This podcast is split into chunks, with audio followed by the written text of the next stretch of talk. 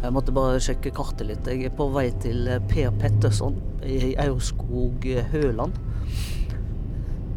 Som ligger i Akershus. Eh, Her bor Per Petterson på et småbruk som han kaller Porten. Om å finne det. Per Petterson han er jo et eksempel på at man aldri skal gi opp forfatterdrømmen. Han var 18 år da han bestemte seg for å bli forfatter. Men det skulle gå 17 år før han debuterte. Da kom han med en eh, novellesamling. Siden har det kommet flere bøker fra hans hånd, og han har vært en kritikerinderling, men ikke folkelesning. Inntil han skrev boka 'Ut og stjele hester', og dermed eksploderte det. Ikke bare her i Norge, men eh, ja, over hele verden, spesielt i USA, har han blitt kjempestor. Petterson har kalt seg sjøl en setningsforfatter. Og Det betyr at han skriver en setning, så venter han på neste setning. Og hvis ikke den kommer, ja, da blir det ingen skriving den dagen. Og sånn holder han på. Altså Det er et slags organisk måte å skrive på. Han redigerer lite i etterhånd. Og akkurat de her tingene her har jeg lyst til å spørre han om. Ja, vi nærmer oss, tror jeg. Bokpod er produsert av Monkberry i samarbeid med Cappelen Dam, og med støtte fra Storytel, tusenvis av lydbøker på mobilen. Musikk Herman Eide. Blir du angrepet? Ja, jeg har kommet riktig. Det er en valp som er helt Han var veldig, han var veldig litt skeptisk med en gang. Men så var han veldig Hei. hyggelig.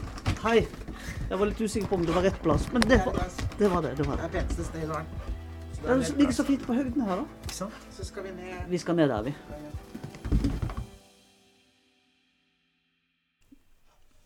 Vi sitter jo nå i skrivestua di. Mm.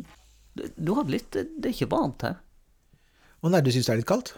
Ja, Du kan se du kan fyre opp. Nei, du behøver ikke det, men det, det er liksom ikke Du er ikke sånn veldig frostig. Nei, det er eh, Jeg liker å ha det det man kaller svalt, men jeg liker jo ikke å ha det kaldt. Så er det noen vintre så syns jeg det er eh, Plutselig så begynner jeg å fryse. Egentlig så tåler jeg masse. Jeg kan gå ut i underbuksa og fòre noen kuer, altså det gjør meg ingenting. Men plutselig så det. Har du dyr her? Eh, ja, altså, jeg har sagt til Pia at uh, du er bonden, jeg er forfatteren. Men hvis du ber meg om hjelp, så kan jeg ikke nekte. så ja, jeg har uh, akkurat også bare, bare fire søyer, 10-15 høner og to kuer. To kyr? Noen er interessert i motorsykler, kona mi er interessert i kuer. Så ja da, jeg Titt ofte så står jeg der og spar møkk. Det er utrolig mye møkk i en ku. så mye jobb. Så Skriver du på noe nå? Ja da, det må jeg jo. Jeg har holdt på for lenge, egentlig. Jeg ga jo ut uh, Jeg nekter i 2012, og da var jeg av en eller annen grunn uh, jævla sliten av det. Jeg tenkte sånn Dette var den siste, tenkte jeg da. Nei. Man tenker jo sånne ting. Um, men uh, jeg hadde egentlig ikke Hadde ikke noe lyst til å begynne igjen. Så etter en stund da, så, skrev jeg det jeg trodde kanskje var um, første kapittel. Jeg pleier alltid å Når jeg har skrevet ett kapittel og ingenting mer, som jeg da kaller jeg første kapittel, og så sender jeg det inn til Klassekampen, så står det der Første kapittel, står det. Hvorfor gjør du det? Det har jeg lurt på. Det er, eh, det er en, som en dings. Det er, på en måte så øh, forplikter jeg meg på et eller annet vis, da. Så, nei, det er en digg som jeg har hørt. Jeg husker Espen Håvard som sa fy faen, du er klin gæren, du kan ikke gjøre det, liksom. Røpe alt. Røpe starten din. Men det som er poenget da, er jo leken, eller dingsen min, er at jeg har overhodet ingen peiling på hva som skal komme etter det.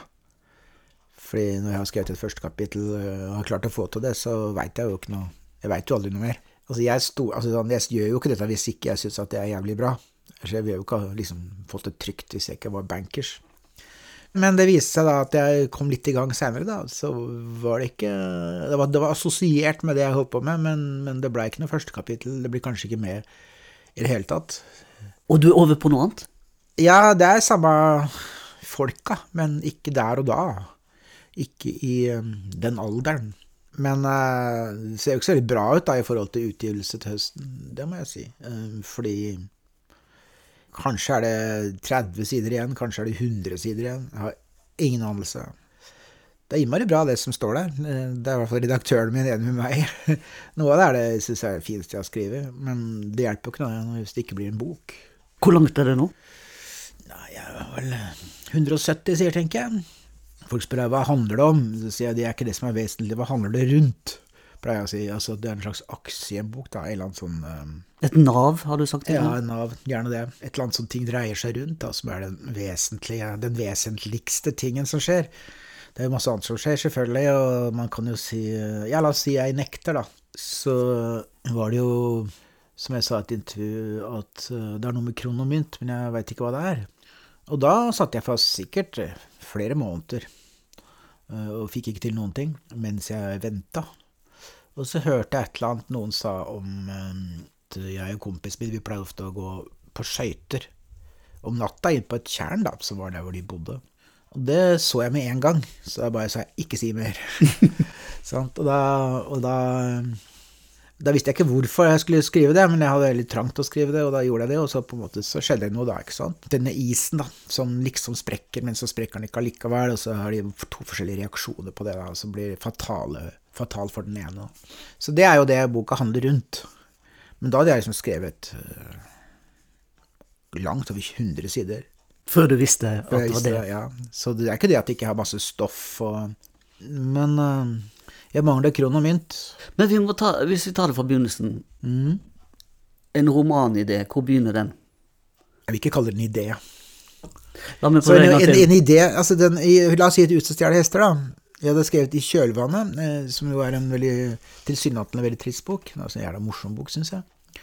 Eh, men i hvert fall så handla det om bl.a. blant annet far og sønn. Og distanse, at de ikke på en måte fikk sagt hverandre det de skulle si til hverandre. Og, så, og plutselig så dør faren, og så er det jo for seint, da.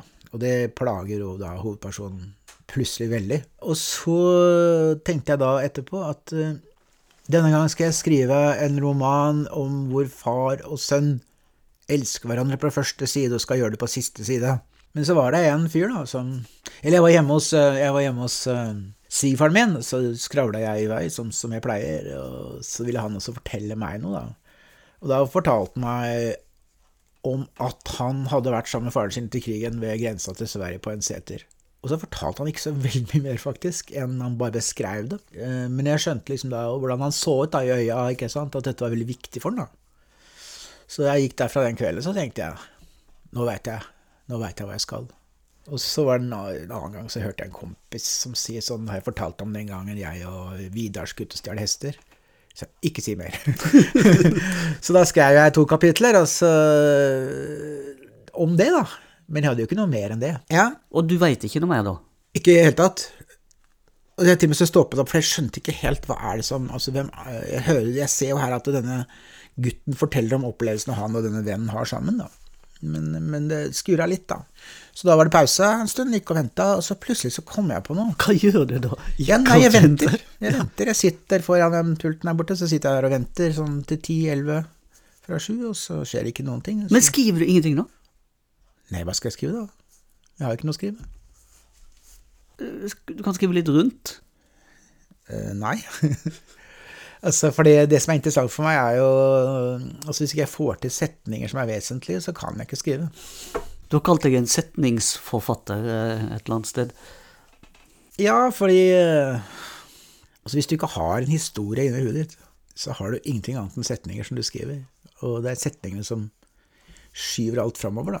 Du kan da være tror jeg, liksom bare- det er jeg som har funnet på det. Men altså, hvis du har Kanskje det var Dag Solstad, tror jeg. Du har to setninger ikke sant, som ser relativt like ut sånn i format og innhold og sånn. Og så og du er forfatter og du har holdt på en stund, så ser du jo med en gang hvilken av dem som er en litterær setning, og en som ikke er det. Den får da en sånn borrelåseffekt, da. Ting. Den kli- kliner seg opp i ting, så at det kommer andre ting med. Ikke sant? Mens eh, den andre er helt glatt. Så, så det er ingenting som henger fast. En borrelåssetning. Ja.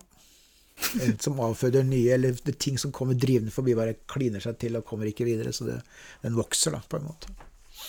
Hvor, hvor lenge kan du vente på en eh, setning? Ja Det er ofte sånn at har du én setning, så er det gjerne to til. Ikke sant? Jeg håper det. Det er jo ikke så Altså Hvis jeg først skriver en setning eller to, så, så blir det gjerne at da har jeg kanskje en halv dag med arbeid som jeg får til, og så må jeg passe på å ikke skrive for mye, for da blir det Plutselig så kjenner jeg at dette var jo ikke noen gode setninger. Um, så da blir jeg bare lei meg og forter meg å stryke dem, sånn at jeg ikke, jeg ikke husker dem. Liksom, altså, hva skal jeg kalle det, den inspirasjonen, da, eller det der eh, lille gnisten som du har, begynner å dø ut, da, og så fortsetter du å skrive den enda den har dødd ut. Da blir ikke setningene gode, for da er det ikke, da er det ikke substans nok der, og da må man slutte fordi at du kan se av setningene at her plutselig bare begynte det å trå vannet. Jeg husker ennå nesten i alle bøkene mine akkurat hvor jeg tror litt vannet.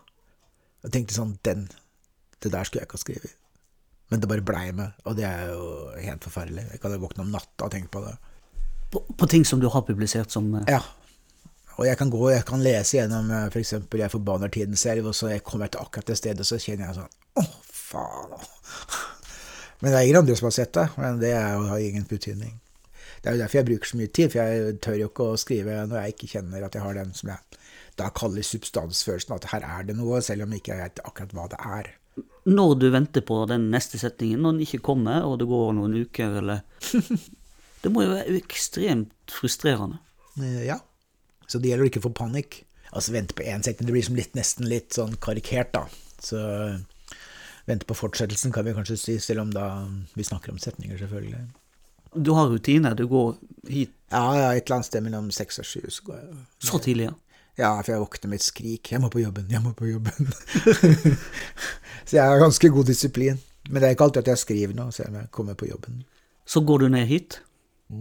Det er 50 meter opp til huset. Ja.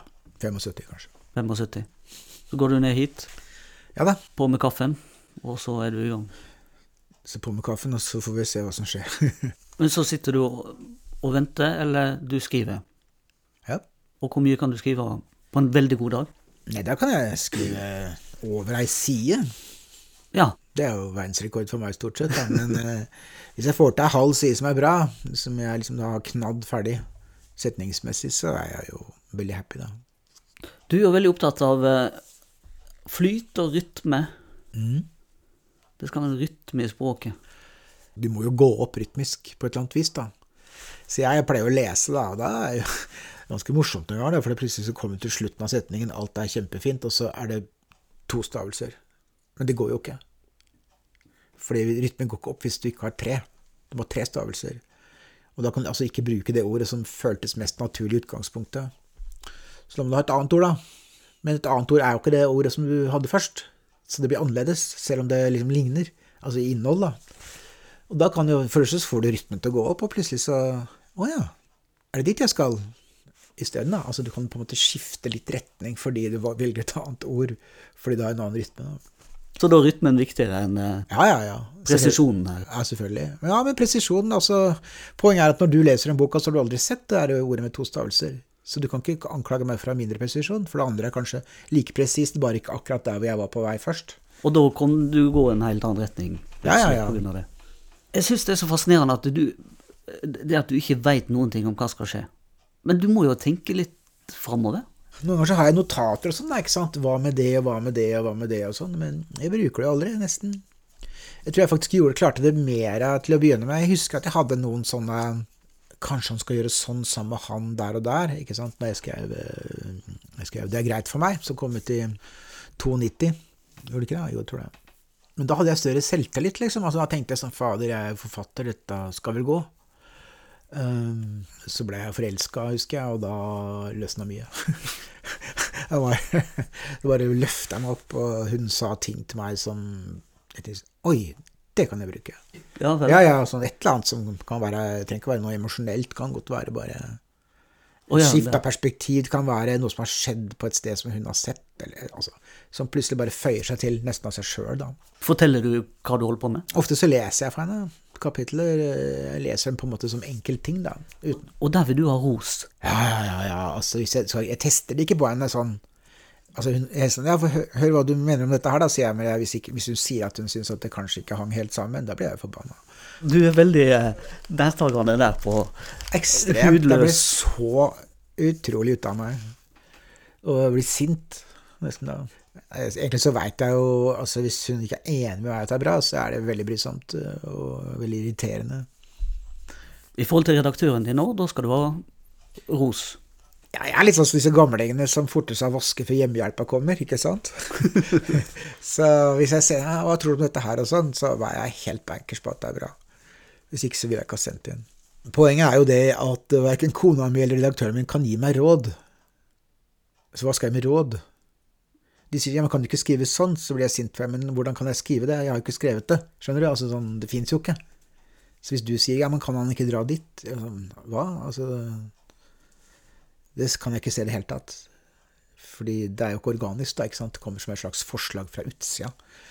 En av det godt kan være relevant sånn sett ut fra hva de har hørt, da, eller lest, men eh, et råd der, det er jo jeg som veit best. Selv når jeg ikke veit noe. Nei men er, eh, for meg er det i hvert fall sånn. Jeg skjønner at mange ikke har det sånn, og det gudskjelov for det. Jeg skriver jo altså jeg har jo, jeg har jo aldri noe sånn først Folk har jo førsteutkast og sånn. Det er som i Amerika sånn the first draft, så sender de inn det, ikke sant. Men jeg har jo ikke det. altså My first draft, det er jo boka. For når jeg er ferdig med et kapittel, så er jeg ferdig med det kapittelet. Så skriver jeg neste kapittel. Jeg er egentlig ferdig med sida når jeg er ferdig med sida. Så det er veldig sjelden at jeg går uh, tilbake og forandrer på et kapittel. Men jeg, når du skriver et kapittel, så er det jo der du er. Sant? Du er i det, og så, og så, klarer du å skrive det. Hvorfor skal jeg gå tilbake og forandre på det? Da må jeg heller forandre på det jeg holder på med nå. Jeg kan ikke gå tilbake og forandre det. Det, det er jo nederlag. som om du ikke hadde skrevet det riktig. Det fins jo ikke noe riktig, det fins bare det som er skrevet, og hvis det er godt, så er det godt. Finito. Da må jo da Da må jo Du må, jo stole på det du har gjort, da. Det fins selvfølgelig Kanskje jeg har stryket, tatt ut avsnitt som plutselig var på ville veier. Ja. Eh, men eh, da jeg debuterte, da sendte jeg disse små novellene sendte jeg inn til Torleif Grue, da, som var eh, redaktøren min på Oktober. Og da liksom ventet jeg meg liksom, Han måtte si flink gutt, da, ikke sant. Han brukte nok mer rødblyanten enn mange andre, men, men jeg var jo så ny, så jeg ble ikke sint. Og han hadde jo rett, da. Veldig ofte. Men da venter jeg meg til å sende inn én ting av gangen, ikke sant? Få, og det har jeg faktisk gjort seinere også. Hvert eneste kapittel som jeg har sendt inn, er liksom Da har jeg bare det kapittelet, og så Ja, sånn har jeg holdt på. Du vet, altså, siden jeg skriver så sakte disse bøkene som jeg gir ut da ca. hvert fjerde år, og som er liksom under 300 sider stort sett Jeg kan ikke vente så lenge. Jeg kan ikke sitte aleine og skrive sakte og komme ut med 250 sider på fire år og ikke ha fått respons på veien. Eh, det går ikke. Jeg klarer ikke det. Eh, og den responsen skal jo ikke være noe annet enn at du er skikkelig bra, altså. Hvis jeg mistenker at redaktøren burde rose meg bare for at jeg skal holde det gående, det avslører jeg med en gang. Jeg har jo vært så heldig å ha Torleif Grue som redaktør sjøl på en roman som jeg ga utga for noen år siden. Ja. Og da sa han Han ga meg aldri ros. Nei. Det kan anmelderne gi deg. Ja, nei, jeg, jeg må ha ros. Fra første stund. Nei, ros må jeg ha. Det høres litt teit ut og høres barnslig ut, men det får bare, sånn er jeg bare. Altså, så, så, kan jeg ha personlig panikk fordi jeg ikke får til ting, og det går altfor lang tid og sånn, men eh, Og det kan jeg også, det sier jeg jo nå. Det har jeg ganske ofte. Du har noe du kaller midtveiskrise? Ja, det er bare et ord. Midtveiskrise, nei, det er bare en sånn Det er bare en klisjé. Men alle bøker har en eh, krise? Ja, minst én. Ja, jeg kan ikke huske at jeg ikke har vært helt utafor uh, i noen bok. Virkelig. Uh, jeg forbanner tiden selv var jo helt jævlig på midten der. Det tok veldig lang tid, og da hadde jeg full panikk. Jeg klarte jo ikke å gjøre noen ting. Og jo mer panikk jeg hadde, jo mindre skrev jeg, selvfølgelig. Og så lærte jeg Torleif da, at jeg skrev en roman, første lille romanen min, 'Ekkoland', og så tenkte jeg liksom at ja, nå holder jeg på med det med kapitlet, men fader, åssen skal den hele boka bli? Buen, liksom, hvordan skal jeg tenke på det? Og da sa han bare det skal du bare gi faen i. sånn. Stemmer det i delen, så kommer det til å stemme i helheten. Det er kanskje ikke den romanen du trodde du skulle skrive, men det der er ingen som har lest, så er det ingen som bryr seg om. Og det var kanskje det beste rådet jeg har fått ever, liksom. Du må bare være der du er. Du trenger ikke å tenke på helheten i det hele tatt. Den kommer? Den kommer. Ofte på slutten av en bok så er det liksom litt i unnarennet, da. Uh, ikke sant? Og du kjenner at ting bare løser seg og løser seg og løser seg. Det er en ekstremt behagelig følelse. Ofte på slutten av en bok. da. Ting kommer og faller på plass. Det er nesten sånn du må løpe etter for å være med på sklia. Men er du i unnarennet nå? Overhodet ikke. Det er ingenting som sklir. Nei, nei, nei. Nei. Jeg merker at jeg ikke er det i det hele tatt. Først tror jeg må ha en slags en forløsning. Jeg må ha kron og mynt. Et eller annet. Et nav. Et nav. Ja, Der hvor det, det springende punkt. Mm. Og er det det det dreier seg om, liksom? Selvfølgelig. Det kan bare være to sider, det, altså. Så, så faller det på plass. Kanskje ikke sånn synlig for deg, men for meg er det følelsen Det er ekstremt forskjellig da, fra å ikke ha det navet. Men, eh, men dere, man, må, man må jo stole på underbevisstheten, at den jobber for deg. At du er inni et eller annet som du ikke helt har løst ennå, men at den jobber som pokkeren et eller annet sted. Sånn at da en dag så hoster den opp akkurat det du trenger. Det har stemt alle gangene til nå, selv om det har vært litt nervepirrende. Men når du går herfra, du logger deg ut, går du og tenker på stoffet da? Jeg så at Hemingway han jobba som pokkeren om morgenen, og så bare stengte han døra, og da tenkte han ikke mer på det. For da hadde han kompiser, han skulle gå på jakt, han skulle drikke. Eh, Jeg er nok ikke så flink til å stenge døra, så, og det er sikkert litt dumt, altså, for da kanskje underbevisstheten ikke får fred da, til å jobbe for seg sjøl. Men når man har, er litt engstelig, så er det veldig vanskelig å ikke gå og engste seg ut, utover klokka hva da, ett-to, som man egentlig, hvor jeg pleier å slutte. Eller jeg slutter elleve hvis, hvis det bare er venting. Det er litt kjedelig å sitte her da, men Når skrev du noe sist nå? Øh, skrev noe i notisboka mi da jeg var i Berlin øh, for noen dager siden, som jeg kom på. Og det liksom førte jeg på en måte inn da, og knadde det litt øh, når jeg kom hjem. Så, kapitlet blir lengre og lengre, men det er ikke helt forløst ennå. Altså. Så, men det var, der, det var der jeg var, da. Kapitlene kan også ha sånn, akkurat som romanene totalt sett har, at de har eh, veldig vanskelige partier, da, som gjør at du ikke klarer å bikke den riktige veien. Ofte Det beste jeg skriver, er jo ofte at jeg skriver som jeg gjør ganske fort. At du er på sklia, liksom. At dette går riktig veien, da. Men sånn er det jo. Altså, Kjell sier, altså Askildsen sier at Thomas F. den skrev han jo i full fart. Har han jo brukt så innmari lang tid på hver bok, så jeg er jo en racer i forhold til han. Men det er ofte sånn eh, med mange, tror jeg, at eh, det som kommer eh, veldig fort, det er ofte veldig godt. For det er liksom alt du kan, og, og det du har av talent og erfaring og hva skal vi kalle det, inspirasjon, da. Altså, gnist går sammen plutselig i en liten sånn bunt og bare driver deg av gårde. Det er jo noe av det herligste i hele verden. Det fins liksom ikke noe bedre enn det, egentlig. Ja, For det høres ut som det er mye lidelse her eh, underveis. Men noen gleder må det jo finnes, ellers hadde du ikke holdt på. Nei, altså, noen ganger så har du jo ikke noe glede av det du gjør i det hele tatt, og da er det jo nesten meningsløst å sitte der. Da burde du helst ha tjent litt penger, altså. Og det må jeg innrømme at uh, den siste romanen nå, som jeg holder på med, det er et par ganger der jeg tenker hvorfor sitter du her? Altså, du har ingen glede av det, og du blir helt kvalm av det, liksom. Så hvis jeg skal være sannferdig her nå, så har jeg vært, hatt en ganske lang sånn periode hvor jeg tenker at uh, dette går jo ikke. Du har jo ikke lyst engang. Så går jeg tilbake der fra i begynnelsen, og så leser jeg liksom ganske langt opp til der jeg er nå, og så tenker jeg men faen, hvordan, hvorfor gjør det ikke det? Dette er jo veldig, veldig bra. Ikke sant? Altså, det som står der, er jo Jeg syns jo det Jeg elsker det. Jeg syns det er kjempefint. Jeg er jo en sånn blygis. Alle oppfatter meg som en sånn blyg forfatter. Jeg er ikke fullt så blyg her, uh, uten at det betyr sånn Det er jo ikke noe, sånn, det er, noe, er jo ikke noe vilt, men uh, det er et jævlig trøkk i det. Og det er ganske skummelt, sånn følelsesmessig. Sjøl når det er på det absolutt pinligste, tristeste, så er det Man er jo ikke trist fordi man skriver noe trist hvis du er forfatter. Du blir jo kjempeglad hvis du får det til. Mm. Du går jo og synger etterpå, ikke sant. Det er så jævla bra å holde på med. Det er så fint. Det skal ikke så mye til av vond følelse, så får du en roman 20 år etter. Du siterer meg antagelig? Ja. Ja. Nei, riktignok. Riktig nok. Du kan hente opp igjen sånne kjipe følelser fra tidlig i livet ditt, og, og bruker det. Ja, det er jo ikke noe vanskelig. Ja, jeg husker alt. Altså, jeg husker alt, egentlig. Det jo sikkert du også. Det er bare du setter sugerøret ned riktig sted, liksom, i historia di. Vi, vi glemmer jo egentlig ingenting. Altså, jeg har det vel litt sånn at jeg kan, hvis livet er en slags, ikke tunnel, da, men lang sånn tunnel, da, med masse vinduer på hver side, og så kan du gå, så står det liksom tolv år, eller står det sånn sju år, eller 25 år, så kan du gå og se ut av det vinduet, og se, og da ser du ikke hva som er der, men du ser hvordan, det var du tenkte, hvordan du følte, da.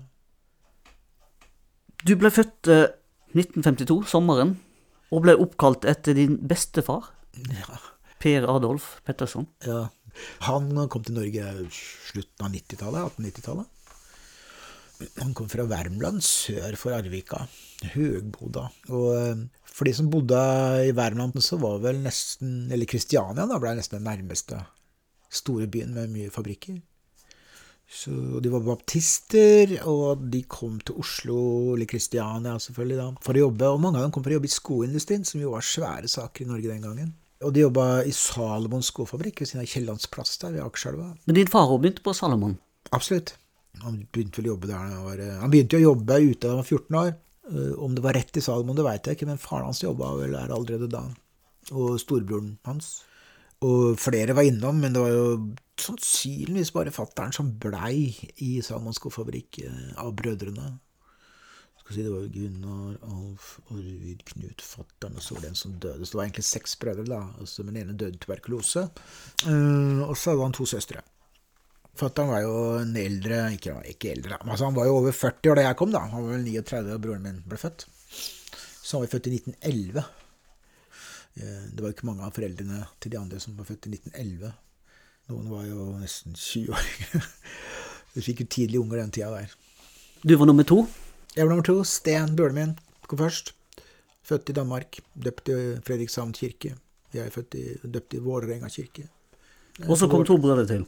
Så kom uh, Odd, han ble født eh, da vi bodde på Veitvet, og var fire år yngre enn meg. Og så kom Lars. 64. Ja. Sa din bror født i Danmark, for det var jo viktig for dere. Ja, besteforeldra mine på morssida, de Mora mi var jo fra Fredrikshavn. Hun kom til Norge, Oslo, Mm. og så jobba hun på en kafé rett overfor eh, Salomon. Ja, ja, ja, det var vel sånn ting skjedde. Der møttes de. Ja, det må jeg jo. Altså, ikke at jeg har fått bekrefta det, men det kan jo ikke være noe annet. fordi... det Og du var- veit ikke det? Nei, altså, jeg har ikke altså, de Foreldra mine har jo fortalt i meg lite, da. Men at Det kan godt hende hun sagt det, altså. Men hun serverte der sammen med Jeg vet ikke om det var hennes tante, i hvert fall en Hun var dansk, da, hun som eide den kafeen. Tante, Kari het hun, men det var jo ikke vår tante. Jeg husker hun var veldig tjukk, og det nærmest sånn bart. øh, Men veldig blid. Så der øh, må de ha truffet hverandre.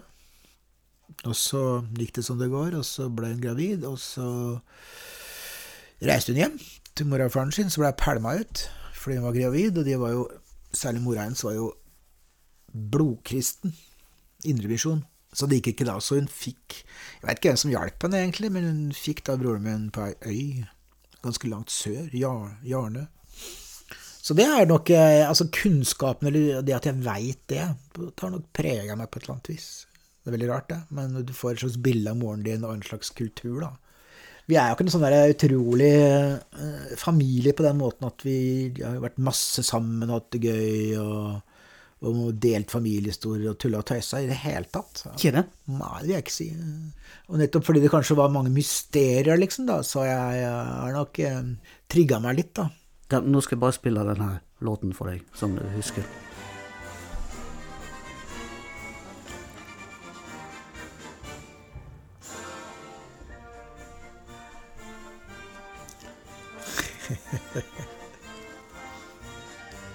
Ringer det noen bjeller? Ja da vi, Jeg har jo vært i, i Fredrikshavn hver sommer, og seinere mer i hele mitt liv. Eh, og vi dro jo altså Den gangen så reiste vi med båter hvor langgangen gikk nedover, ikke oppover, når du lå på Vippetangen. Så Vistula, som jeg reiste mest med da jeg var veldig liten, den gikk vel i rett. Så det når man ser eh, Ja, herregud. Det er Vistula? Det er Vistula. Det var jo en båt. Det er jo ikke båter nå, liksom. Det er jo flytende hoteller. Og så spilte de den marsjen hver gang. De gjorde det. Det var liksom musikken der, og Anchors Away, og så var det liksom Det var messing og mahogni og porselenspotter på hvert rom i skapet under vasken, ikke sant. Det var, det var sånn når vi var oppe om morgenen, sto opp tidlig ikke sant, for å få med innseilinger og alt som var. Vi syntes det var veldig spennende. Det første året så bodde vi i dobbeltsenga til bestefatteren og bestefatteren. I en melkebutikk i Ja, over. Det var en uh, Los gate. Eh, Da var det en melkebutikk, og da hadde de en leilighet over den, og bestemora mi drev den melkebutikken der. Oppe så var det bare to, noen jævlig små rom.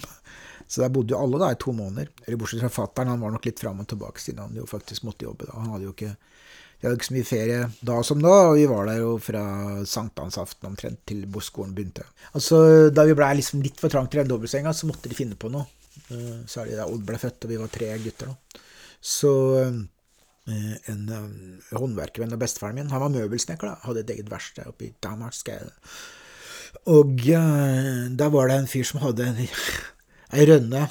Det var jo sånn etternittplate med påmalt bindingsverk. Altså, det var jo helt semmert. Eh, Vi kjøpte vel da jeg var ti, tenker jeg. Tror jeg 62, kanskje. Og da bare vi måtte mekke. Mekke den plassen. Det var gass og utedo. Dette kjenner vi jo igjen, vi som har lest bøkene dine. Ja, det gjør kanskje det. ja. Så Det er den gamle hytta. Det fins jo- en nyhet som også er skrevet om, som kom i 1980. Snakker du dansk, eller? Jeg gjorde det da jeg var liten.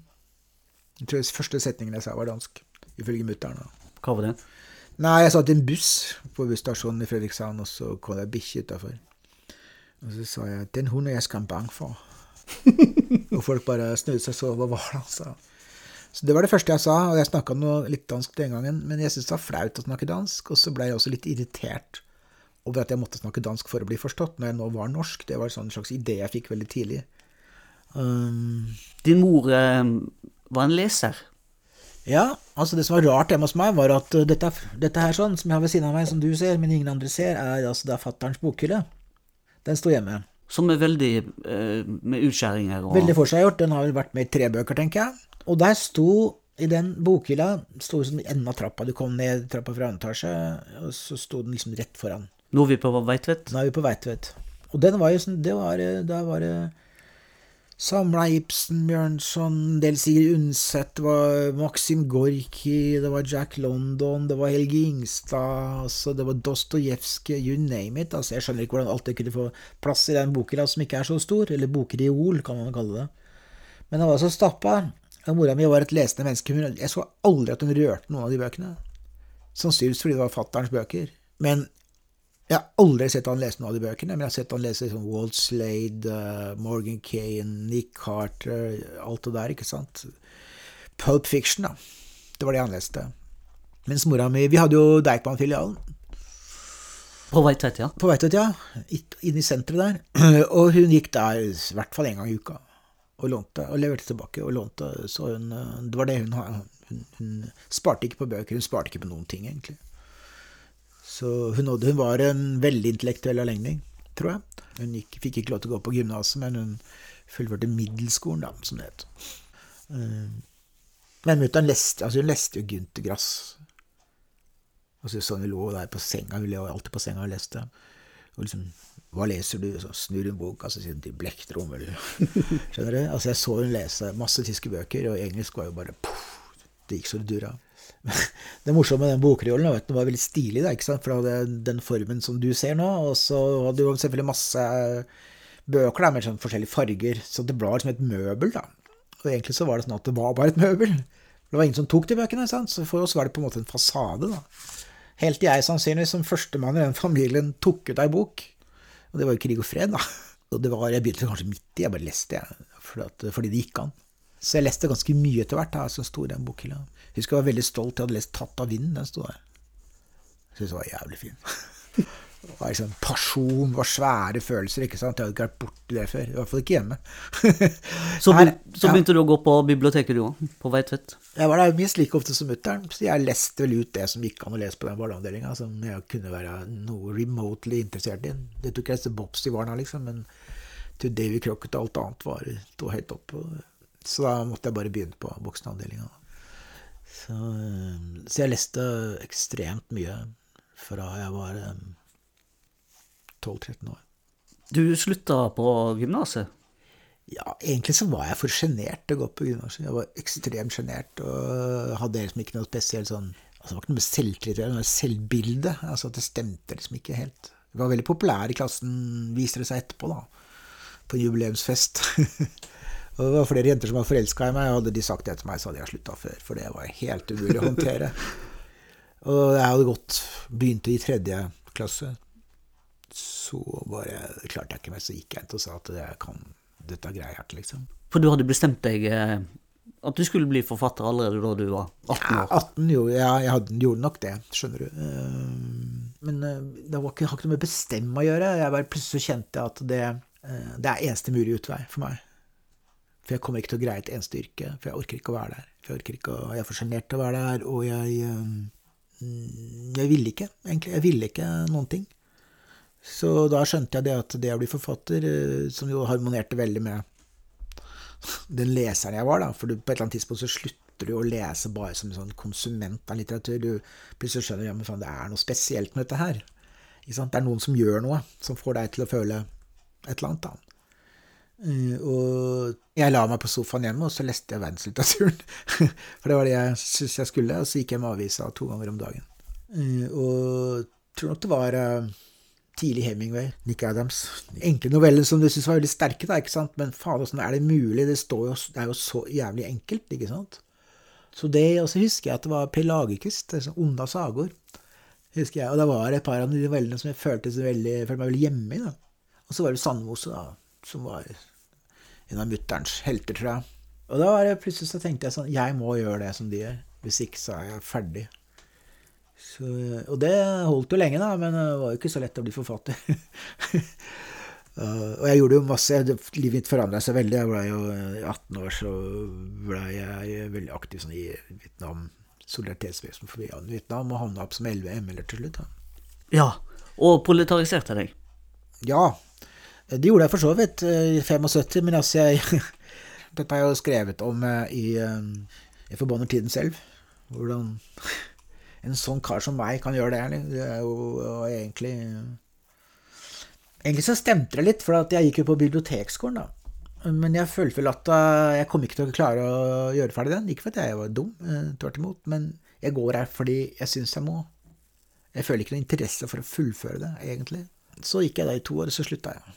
Uten å ta eksamen. Ja! For den var jo treårig, ikke sant? Så slutta jeg der, så begynte jeg å jobbe på Alders.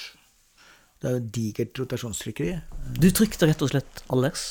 Ja, det var ikke jeg som trykte det, men jeg ble assistent da, på en av disse digre rotasjonsmaskinene. Det var jo jævlig fascinerende. Altså. Faren min jobba på en av dem, jeg jobba på en annen. Så, eh, så da jobba jeg fem år. Hva syns mor og far om det? At Ja, de ble så forbanna. De ble så, så er det mora mi, da.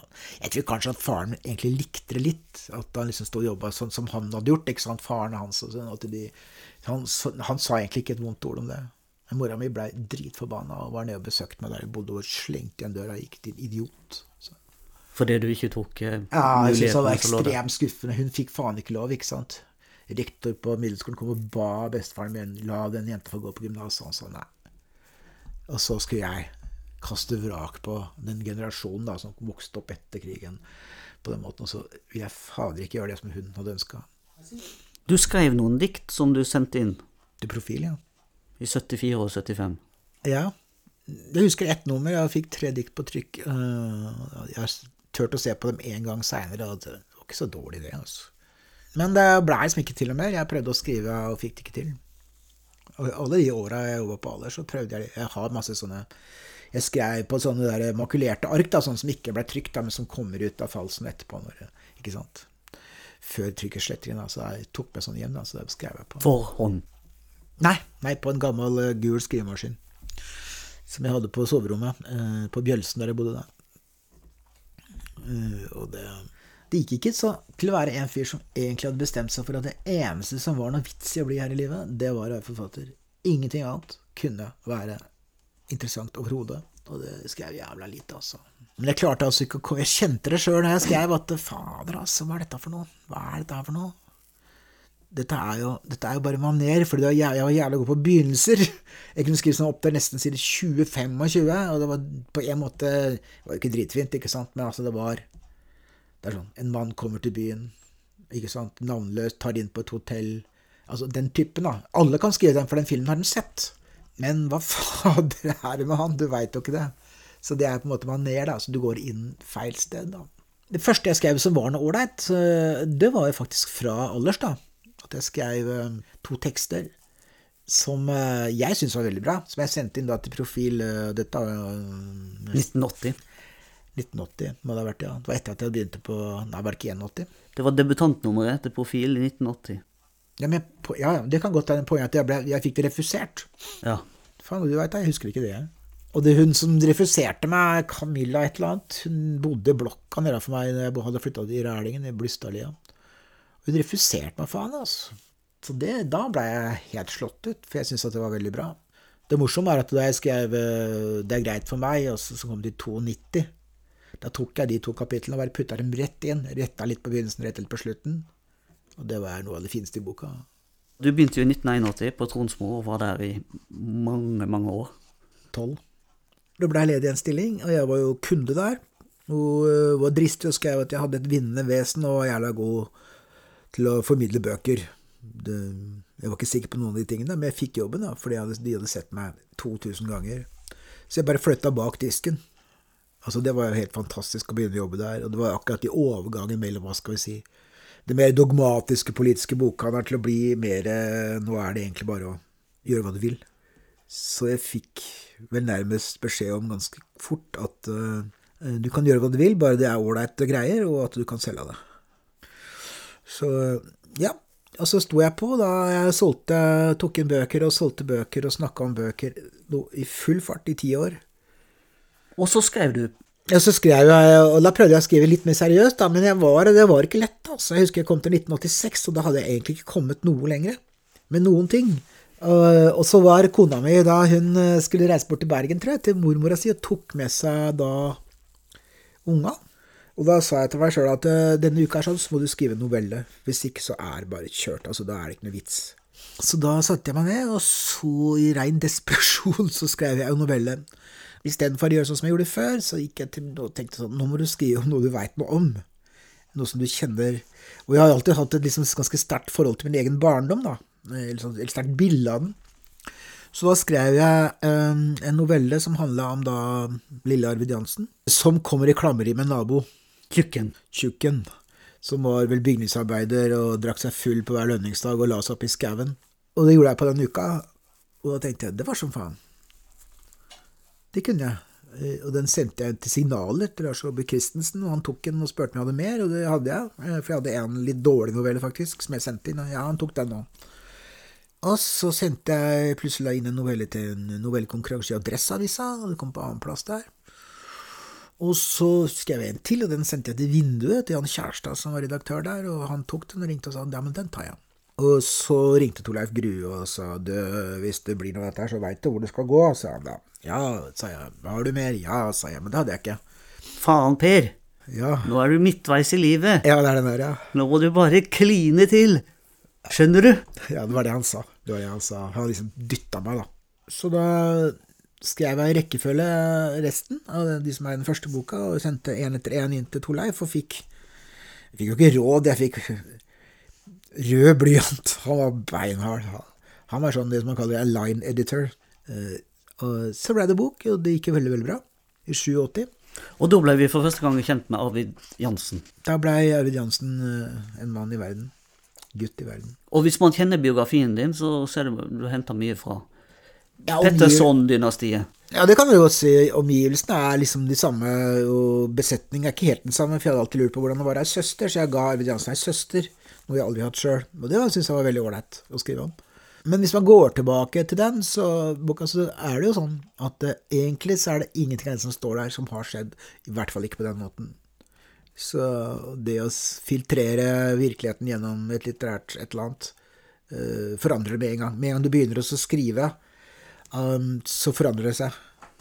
Den ble veldig godt mottatt, bortsett fra én anmeldelse. Ja. Jo, oi, oi. Thomas Dylan Eriksen.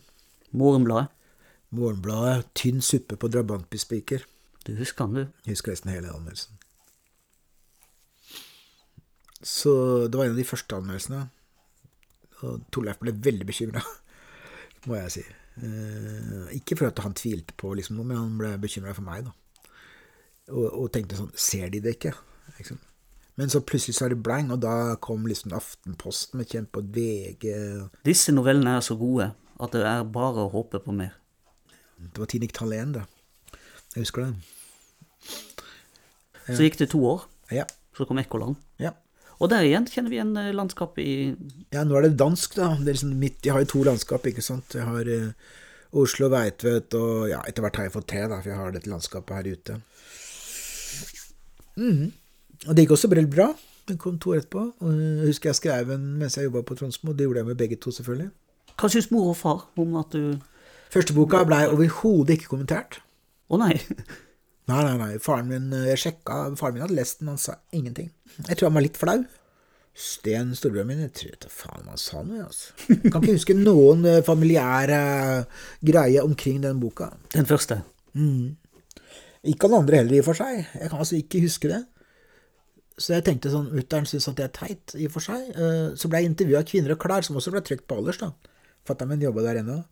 Plutselig sa jeg at hun hadde tatt, og da var det sånn fargefoto av meg på en side, og da hadde hun tatt ut det bildet og ramma det inn og hengt på veggen. I trappa, husker jeg, og det ikke kommentert, bare hang der.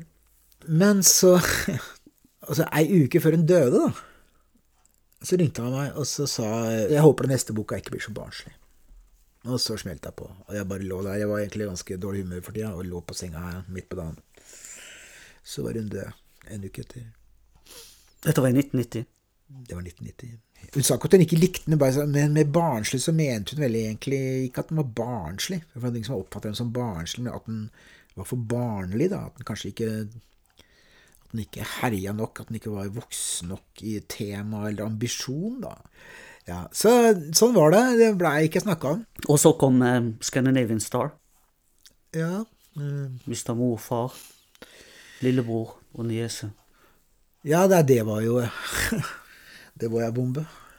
Det var påsken, var det? Påsken, ja, de skulle ned og feire påske. Jeg skulle egentlig være med sammen med jentene mine, men så var det ekskona mis mor hadde 60-årsdag. Sånn at uh, vi istedenfor å dra den kvelden, så dro, skulle vi dra på mandag. Det var vel lørdag. ja, fordi de skulle feire sammen, og så skulle jeg reise to dager etterpå. Så sånn, hadde jeg ikke gjort det, så hadde jeg vært død. Det er jo ingen tvil om. Så ja, altså jeg hadde, jo, jeg hadde jo tre brødre. Sten, som er eldst, og så var det meg, og så var det Odd. da. Han døde i 83 av en blødning i hjernen. Sånn aneurisme, vet du. Hvor, det er sånn du, får du har en svak blodårevegg, og så plutselig begynner den å bule. Så, eh, så det som var interessant, for å si det på den måten, var jo at det var jo dattera hans som døde i Scandinavian Star. Var ikke den broren, dattera til den broren min som døde der. Det, jeg har et ark her, noe som jeg kaller for dødsskuffen. En sånn skuff inn bak den døra der hvor det er um, Hvor jeg har masse utklipp og altså alt mulig stæsj i forbindelse med de greiene der, da. Og der har jeg annet det arket som jeg hadde ved siden av telefonen. Som jeg ringte rundt, da. Liksom eh, redningssentraler, politi, hva faen, alt mulig, altså. Ikke sant, masse telefonnummer og sånn. Så det, det beholdt jeg, da. Så det var ganske virvar. Det blir jo aldri ferdig, den saken der. Nå er det en ny runde igjen. Altså, det som skjer nå med den saken der, er jo det vi visste egentlig da. Det er bare Politiet jobba ikke den veien. Vi kunne liksom ikke si Jeg husker at uh, da de anklaga eller denne døde trailersjåføren, som liksom var pyroman, da Alle kjente at det altså Det var sånn, liksom sånn slukøra løsning. Altså, det var sånn utrolig utilfredsstillende. Og veldig fort så var jo til og med vi klar over at det var jo bare branner som påsatt etter at han åpenbart var død. Så Men hvordan er det å aldri liksom bli ferdig med saken? Det har vært veldig veldig ålreit å få løst dette her og tatt noen, for å si det sånn. Men for meg personlig, sånn personlig liksom inni meg, som vi sier Jeg kjenner ikke, kjenner ikke så veldig sterkt. Så Jeg sjekka med broren min sånn Føler du veldig sterkt nå, liksom? Sånn, Nei, egentlig ikke. Vi syns at det er veldig veldig bra at det kommer opp, og, og vi er forbanna på politiet og alt som skjedde. Så de ripper ikke opp i sår? Vi satt jo i støttegruppa begge to, og en venn av meg, Espen Walstad, psykolog. Og så sa vi til hverandre, Espen og Sten og jeg, at dette kjører vi som fankeren i to år, og så slutter vi.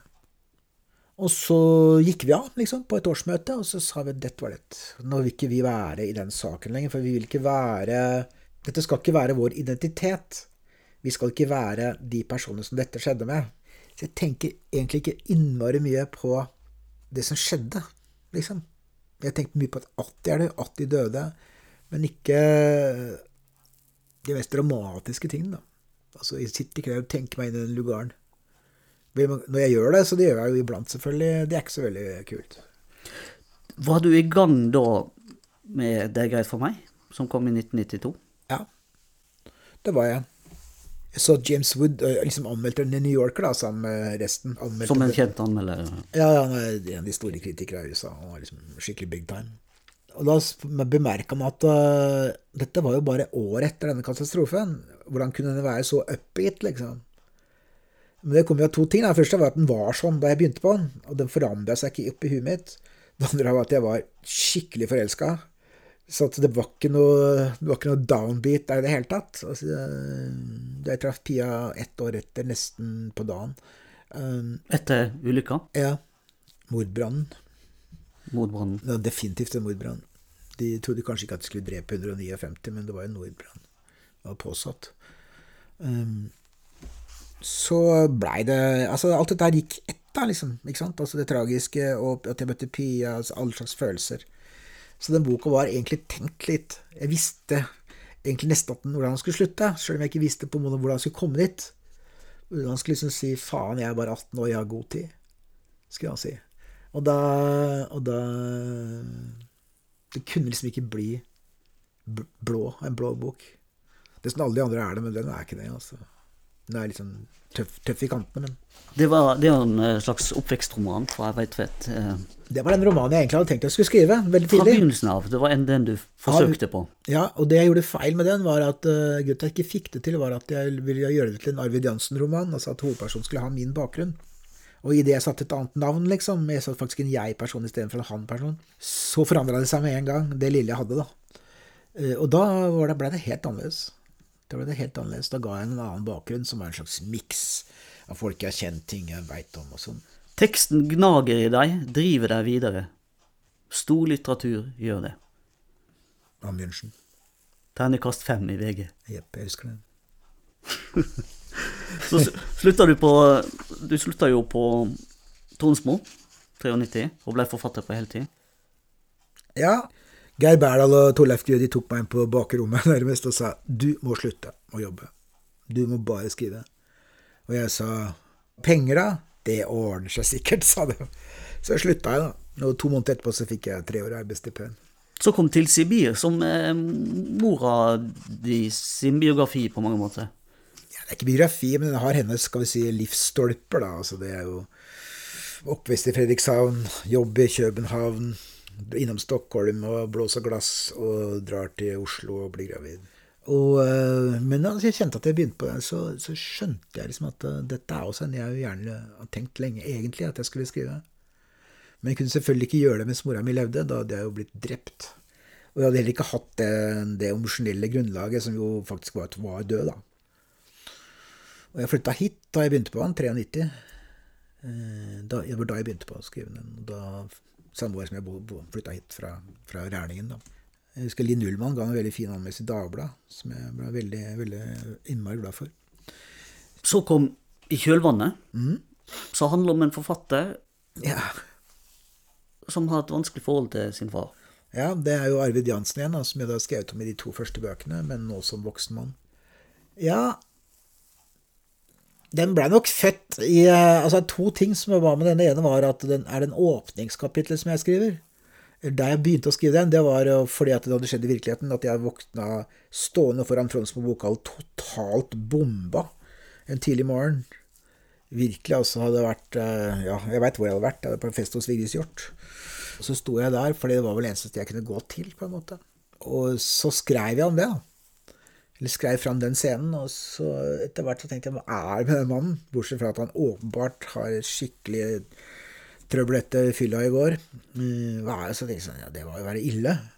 Ja, hva er det verste som har skjedd, da? sa jeg til meg sjøl. Jo, det var ikke noe tvil, da. Så da tok jeg det derfra. Scandinavian Star. Ja. Og det var nok eh, delvis født av at eh, jeg og fatter'n snakka ikke mye sammen, egentlig, etter at jeg liksom ble tolv år. Eh, og i, i minnet mitt så snakker jeg aldri med han, men det er jo ikke sånn i det hele tatt. Jeg har til og med sett bilder av hvor jeg liksom lener meg på skulderen hans, så- det må jo ha vært et visst uh, forhold. Men jeg husker ikke det.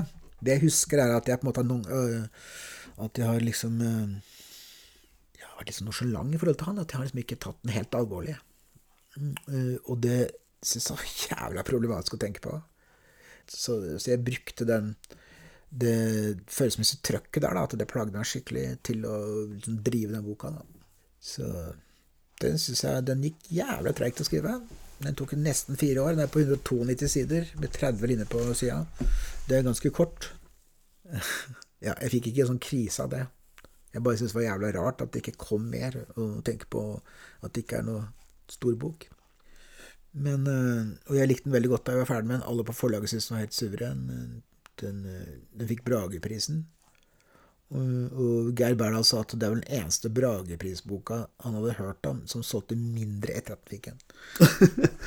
Fordi alle folk trodde han var de, Han var nesten spedalsk. De turte ikke å ta inn. Den, liksom fram, den hadde framstått som så dyster og trist at det, og de orka ikke det. Så kom hestene, og der er det en, eh, et godt far-sønn-forhold. Ja, det var liksom da en reaksjon da på, på i kjølvannet at jeg ville ha et helt åpent forhold mellom far og sønn. Iallfall tilsynelatende åpent. da, og At det var iallfall en helt åpen kjærlighet. da. Og den var liksom, den var sagt, den var eh, oppe i dagen. Det var ikke noe som lå skjult der som ikke kunne snakkes om. Det var en slags gjensidig begeistring, egentlig.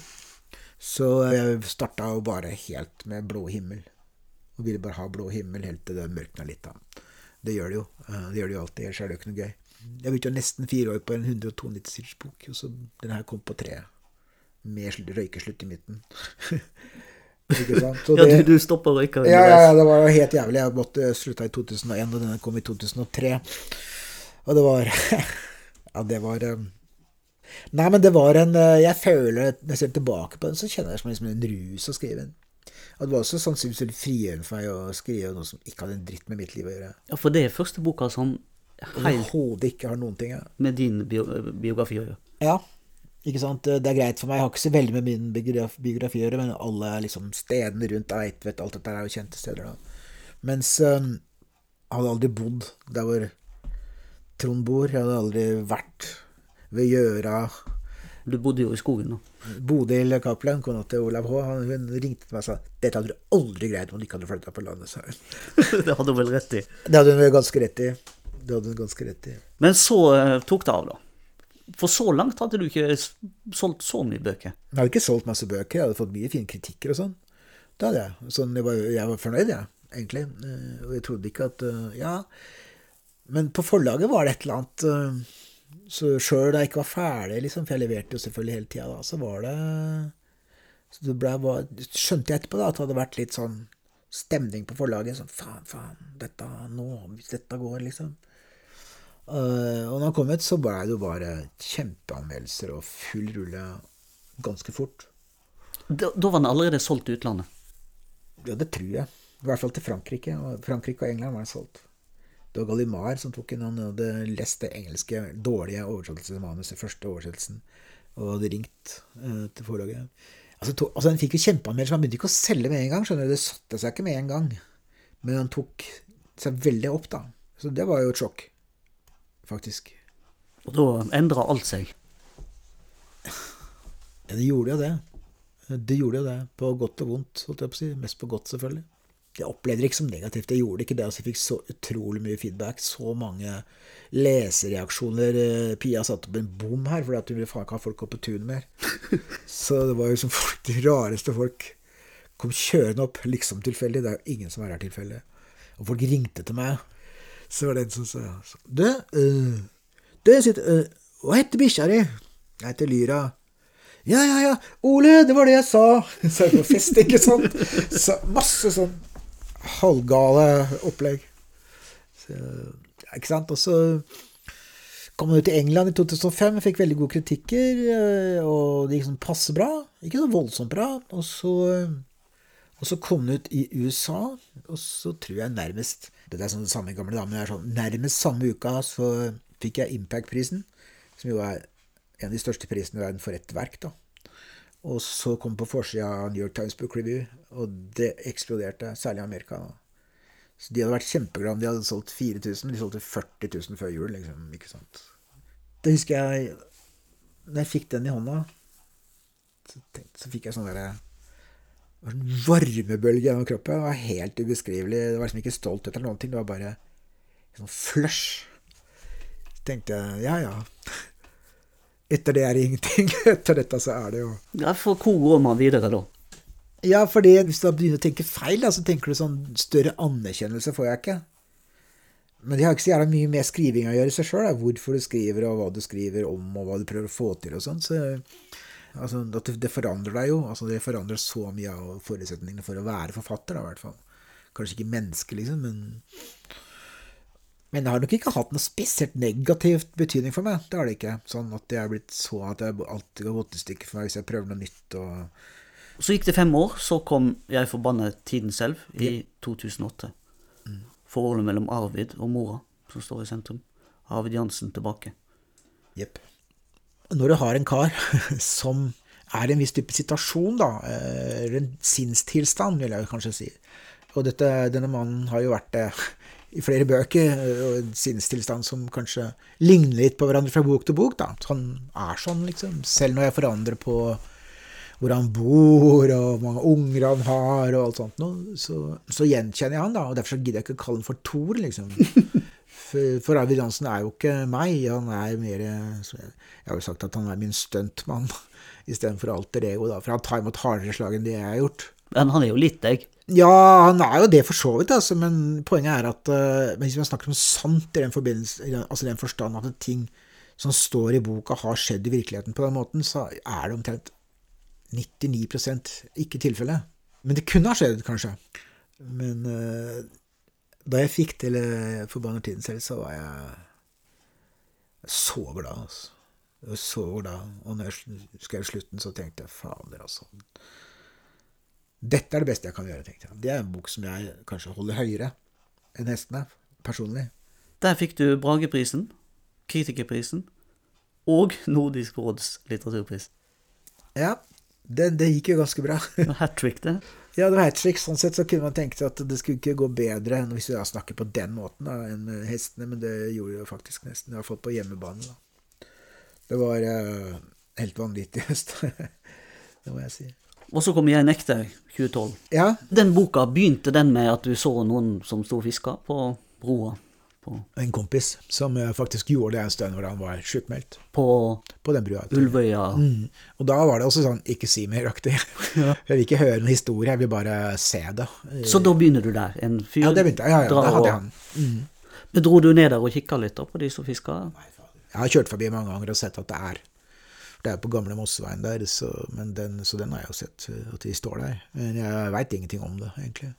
Men da det du veit, at det står en der og fisker? Så står den der, ikke sant, og så kommer, blir klokka sju, da, og så begynner det å komme biler fra Ulvøya som skal inn til Oslo og jobbe, da. og da skriver jeg at det kommer biler, og så plutselig så stopper det en bil. da. Jeg må, liksom finne, jeg må gjøre et eller annet, jeg må skape litt friksjon av noe greier, så jeg stopper en bil, og så går vinduet ned, og så sier han 'Er det ikke Jim?' Og da Det var bare noe jeg gjorde. Og så har de denne samtalen, og så skriver jeg da så at vi gikk hver vår vei den gangen, gjorde vi ikke? Da var det veldig lenge siden, ikke sant? Og så hvis de da kanskje har vært venner, da, så er du egentlig ferdig. eh, Den fiskinga er ferdig. Det, det fins jo ikke noe etter det, i, i verken for Jim eller i scenen i seg sjøl. Og så, ja Da bare falt det meg inn altså, at han skulle få et aldri så lite sammenbrudd. Og det, der, det er sånn panikkangst, ikke sant, og det har jeg sjøl, så jeg kan veldig godt veit akkurat åssen det er. eh, At du, hvor du ikke får puste og sånn, ikke sant. Så at du bare klapper sammen og gisper etter luft. Så tenker jeg ja, men det kan jeg, så den kan jeg, det kan jeg skrive. Eh, Så er jo da det store mysteriet er hvorfor gjorde han det? Ikke sant? Og det veit ikke du. Nei, nei, nei, jeg fant det på da jeg skrev det. Så da må jeg jo løse det, da. Og, og da kjenner jeg liksom at her er det et lerret. Litt større enn vanlig, kanskje. Og så må du begynne å nøste. Jeg kunne nøste, må jeg begynne å skrive. Da begynner jeg å skrive, så Ja, du må finne ut hva som har skjedd. Ja, finne ut hva som har skjedd. Og da, det kan jeg ikke bare finne ut i å tenke på det, det må jeg skrive fram, da. Jeg vil ikke vite Jeg vil ikke sitte der Hva kan ha skjedd? Hva kan ha skjedd? Da har jeg jo tenkt det. Det er ikke noe vits. Du må, må skrive det.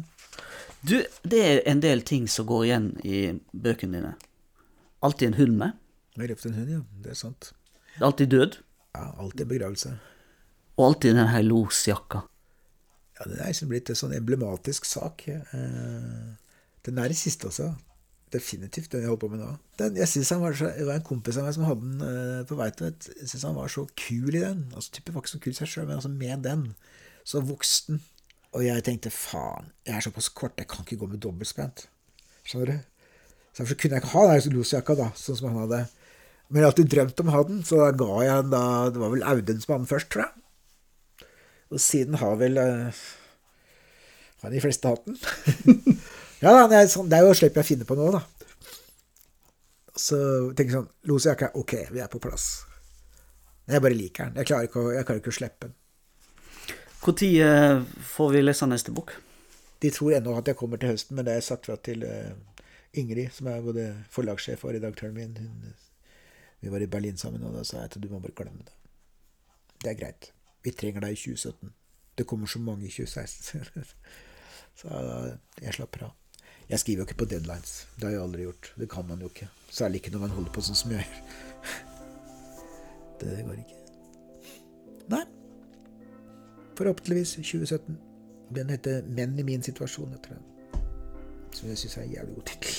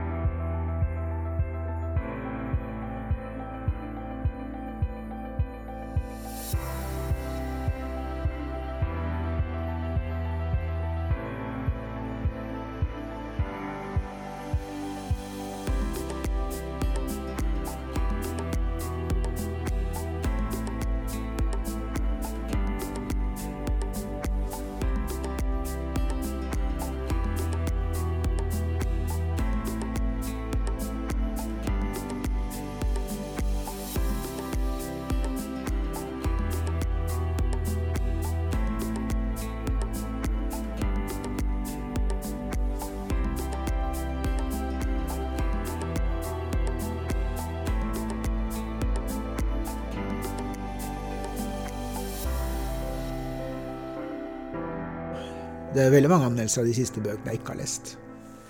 Sjøl de positive, for det er alltid én setning der som jeg, som jeg er helt uenig i. liksom da, Det plager meg. Så jeg, når, øh, De siste gangene har jeg jo reist bort. Altså, da reiser jeg bort.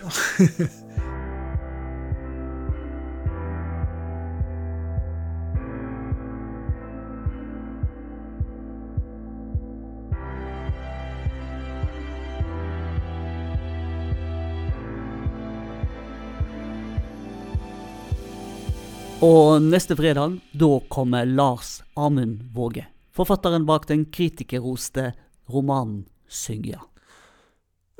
Åh, nå ble jeg rørt. Det er sterke ting, vet du. Ja, ja. Nei, det er, det er sterke saker.